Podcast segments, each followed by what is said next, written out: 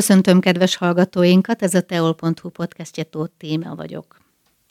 Megkülönböztetett tisztelettel és szeretettel köszöntöm Gyurkovics Jánost, Szexádváros alpolgármesterét. Jó napot kívánok, tisztelettel köszöntöm a hallgatókat. Egy hatalmas projekttel szeretném kezdeni a 2023-as év értékelését, ami az egész lakosságot érintette, a Zöld Város programról. Kérem, mondja el nekünk, hogy hogy kezdődött ez a program, mik voltak a fejlesztések, amiket csináltak itt a városon belül.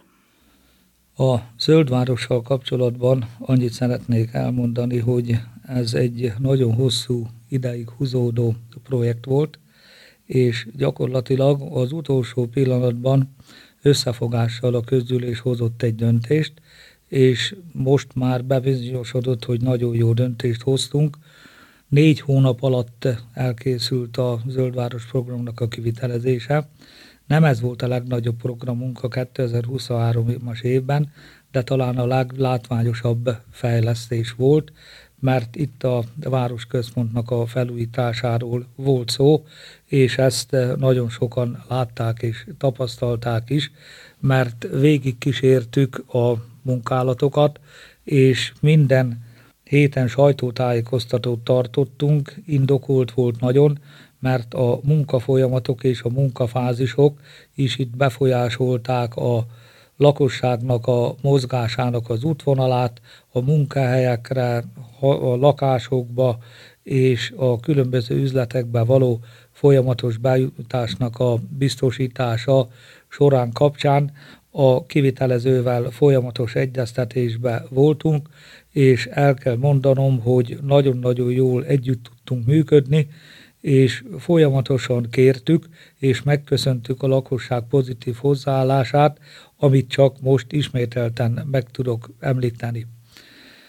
20 ezer négyzetméter betonfelület lett feltörve, és 15 ezer négyzetméter új burkolat lett lefektetve, fél hektárral nőtt a zöld felület, és azt láthatja mindenki, hogy a újra burkolt területek is azért biztonságos közlekedést biztosítanak. 184 darab különböző pad és ülőke, 88 darab kerékpártámasz, több mint 130 hulladékgyűjtő, piknikasztalok székekkel, napelemes kandeláberek, több játszótér és fitness eszközök is kerültek a közterületekre. Ezzel kapcsolatban annyit szeretnék elmondani, folyamatosan kértük a lakosságot, hogy nem olcsó eszközök kerültek kihelyezésre, vigyázzunk rá, mert így akkor hosszú távon tudja majd szolgálni a lakosságnak az érdekeit. A növényültetéssel kapcsolatban annyit szeretnék mondani, hogy felmértük a területeken lévő beteg fákat, azok kivágásra kerültek, és helyettük, és azon felül még 137 lombhullató fa, 9000 cserje, 5000 tő évelő növény és több mint 500 örökzöld növény került elültetésre. Ez nem kis munka volt, mert azért voltak itt az építések során különböző meglepetések, amit meg kell említenem, a közműtérképek pontatlansága, ami komoly gondokat okozott a kivitelezőnek, és a másik része a dolognak, hogy azt tudjuk, hogy ezt megelőző 40-50 évvel nem így nézett ki a városkép, mint a bontások előtt. Itt rengeteg építési törmelék és bent maradt alapok maradtak, amik lelettek betonozva, és hát természetesen itt a bontások során azért mindegyik plusz munkát adott, ami azért időben is akadályozta összességében a munkálatokat. Összefoglalva köszönjük szépen minden résztvevőnek a tevékenységét, mert a maga területén mindenki hasznos munkát végzett. Köszönjük szépen a lakosságnak a megértését, és természetesen a kivitelezőnek a pozitív hozzáállását, és csak arra szeretném kérni ezúttal is a városlakókat, hogy vigyázzunk az eszközeinkre, óvjuk meg, minél tovább tudják szolgálni itt a lakosságot, és természetesen ez majd a zöldváros majd akkor lesz igazán zöldváros, ha kitavaszodik, és ezek a fák és a cserjék, amit itt felsoroltam szám szerint, elkezdenek majd hajtani, növekedni, akkor még szebbé és otthonosabbá teszik a környezetünket. Milyenek voltak egyébként a visszajelzések a lakosság részéről? A lakosság részéről, megmondom őszintén, rosszabbra számítottunk, talán nagyobb türelmetlenségre, de együttműködőek voltak nagyon az emberek, hát a bontásoknál hát csak úgy feltételeztük a dolgokat, de amint említettem, hogy a folyamatos sajtótájékoztatók során mindenkit napra készen próbáltunk tájékoztatni, hogy mit csinálunk, hol tartunk, mi várható, és amikor fordult a kocka, a bontás után kezdődött az építkezés, akkor már a lakosoknak is körvonalazódott, hogy na kérem szépen, itt azért sokkal színvonalasabb, szebb és otthonosabb területekkel fogunk majd találkozni a munkák befejezése során. Összességében 1,2 milliárd forintot költöttünk a, az egészre, hát bizony benne, hogy itt a tavaszi időszakban a fák, növények meg fognak eredni, és akkor teljesen otthonos képet fog majd itt az egész környék mutatni. Amit még meg szeretnék említeni ezzel kapcsolatban, azért itt közvetlen a városközpont, és hát négy területre volt osztva a felújítási munkálatok, Lisztér, Luthertér, a kettő közötti rész és a lakótelepeknek a környéke, és hát vannak azért még túlérett, idézőjelbe túlérett fák, amit majd a későbbiek során kezelni kell, ne talántán kivágni, de szeretnék megnyugtatni mindenkit, hogy a pótlás az nem fog elmaradni, és természetesen a zöld felület nagyságára nagyon-nagyon vigyázunk, és hát a lehetőségenkhez mérten maximális szinten fogjuk tartani. Az ipari park fejlesztésére is sor került 2023-ban. Mik voltak ezek a fejlesztések? Az ipari parkkal kapcsolatban annyit szeretnék mondani, hogy ott épületfelújításokról volt szó, és új csarnokoknak a megépítéséről, és természetesen az ipari parknak a megközelítéséhez megfelelő infrastruktúrának a kialakítása. Az ipari parkban már voltak különböző egységek, különböző cégek, és ezeknek a pótlása és a kiegészítése történt meg. A vagyonkezelő kezelésében lévő épületfelújítások megtörténtek. Egy az, hogy sokkal színvonalasabbak, szebbek lettek, és biztonságosabb a tárolás.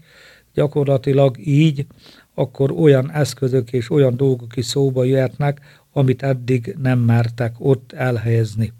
Az építés, új építéssel kapcsolatban 2,8 milliárd forint összegben három csarnok épült, ezzel betelt az ipari park, és hát ez nagyon-nagyon jó dolog, mert ami bizonyítja már, hogy gazdára is találtak ezek a csarnokok, és hát a munkaerő lehetőségek, a munkaerő kihasználtság, a munkanélküliséggel kapcsolatos dolgok teendők, és hát természetesen ez bevétel a városnak is a későbbiek során. Itt a közvilágítás, járda, kamerarendszer, áramhálózat fejlesztése és közmű kiváltások is megtörténtek, és amit még meg kell említenem, köszönjük Horváth István képviselő úrnak a közbejárását, mert gyakorlatilag plusz 700 millió forinttal ki tudtuk elgészíteni még a projekthez rendelkezésre álló összeget, mert azért menet közben fölmerültek olyan dolgok, aminek a megépítése az nagyon-nagyon fontos és szükségszerű volt. Természetesen mindennek ára van, de ezzel a plusz pénzzel ezeket a dolgokat meg tudtuk valósítani, és hát most idézőjelben mondva kis túlzással egy komplet városrész alakult ki. Ha már a fejlesztéseknél tartunk, a Szőlőhegyi óvoda és minibölcsöde is megújítást kapott. Igen, én szerintem hozzáértő szakemberek véleménye alapján a Vármegyének a legmodernebb bölcsödéje és óvodája lett kialakítva Szőlőhegyem. ott is folyamatosan figyelemmel kísértük a munkálatokat. Volt olyan időszak, őszintén megmondom, hogy nem bíztam benne, hogy határidőre elkészült, de csodák csodájára és a kivitelezőnek a pozitív hozzáállása alapján határidőre elkészült minden, és amikor a műszaki átadások elkezdődtek, és a műszaki átadások során ott egy egész más képet láttunk és találtunk. 14 bölcsödei férőhely és 50 óvodai férőhely került kialakításra. Most megy a bebútorozás és a bútoroknak az átvétele, ez a szakmai felügyelet mellett. Az óvodák azok csak év végén vagy év elején indulhatnak új csoportok, augusztus-szeptemberben lesz, amikor az óvodai csoportok indulnak. A bölcsödébe, ha kialakul a szakmai elvárásoknak megfelelő környezet, akkor folyamatosan megy a gyerekfelvétel, és a bölcsőde az megkezdi majd a munkáit. Ez 247 millió forintjába került a városnak. Két orvosi rendelőt is felújítottak. Melyek ezek? Az orvosi rendelők kapcsán nem állunk nagyon jól, mert itt még négyet kellett volna felújítanunk, a Hunyadi utcait, az első Béla gimnázium kollégiumánál lévő orvosi rendelőt, de most a Vörösmarty utcában lévő kettő orvosi rendelőre volt lehetőségünk. Saját kivitelezésben a távhőszolgálat végezte a kivitelezést, 220 millió forintba került ez. Gyakorlatilag a hármas számú és a 14-es számú körzet kerül ide. Itt folytatja majd a munkáját dr. Pap Zoltán és dr. Bálint Orsolya. Összesen 4000 főt érint. Figyelemmel kísértük folyamatosan a felújítást. Szerintem a 21. századnak megfelelő eszközökkel és színvonalas technikai berendezésekkel készült el a rendelő, a műszaki átadás az folyamatban van, befejeződik, és akkor utána majd jön a berendezés, mert gyakorlatilag már amit az Uniótól megkaptak, az már megvan, és amit a város a orvosokkal egyeztetve szerzett be, azok a bútorok is megérkeztek, itt a berendezés, és akkor költözés, és akkor itt megfelelő színvonalon folytathatják az orvosok a munkáikat. Ismét egy felújításról szeretném, ha beszélne pár szót. A Keselyűsi út megújult tavaly. A Keselyűsi úttal kapcsolatban annyit szeretnék elmondani, hogy arra az útra már nagyon ráfért a felújítás, mert aki ezelőtt is arra járt, hát sajnos én több évtizedet azon a részen töltöttem. Már balesetveszélyes is volt, keskeny volt. A Magyar Közúttal konzorciumban valósult meg 10 km közútnak a felújítása és 8,7 km kerékpárútnak a megépítése. Az útfelújítás az teljes egészében elkészült, megfelelő formába, módon lettek kialakítva a buszmegállók korlátokkal, teljesen egy rendezett környezet alakult ki, ami alapvető és alapja a biztonságos közlekedésnek. A útfelújítás mellett kerékpárút építése történt meg, itt szembeállunk Keselyűs felé, akkor az út nyomvonalának a bal oldalán. Na most ez a kerékpárút egy nagy kerékpárútnak a része, ez egy körgyűrű lesz a későbbiek során, mert itt kell megemlítenem még, összefügg a kettő, hogy még egy kerékpárút épült itt a városban, az újvárosi temetőtől a Palánki körforgalmon túl a kórház gazdaságig, aki ismerős itt a városban, és természetesen a Keselyisi út melletti kerékpárút.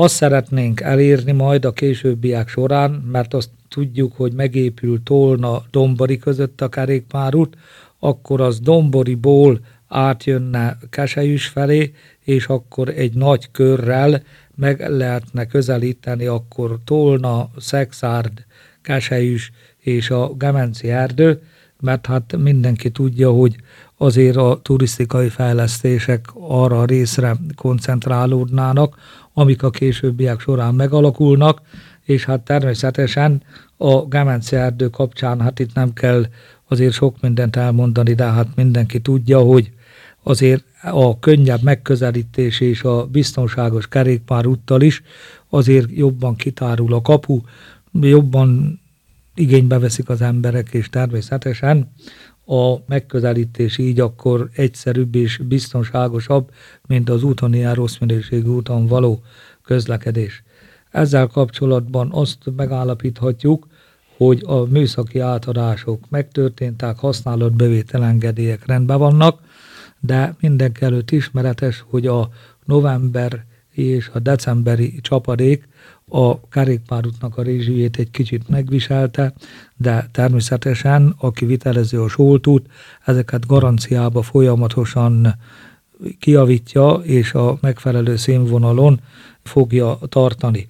Itt még szeretném elmondani, hogy kettő pusztát érint az építés és a felújítás, József pusztát és Ózsák pusztát.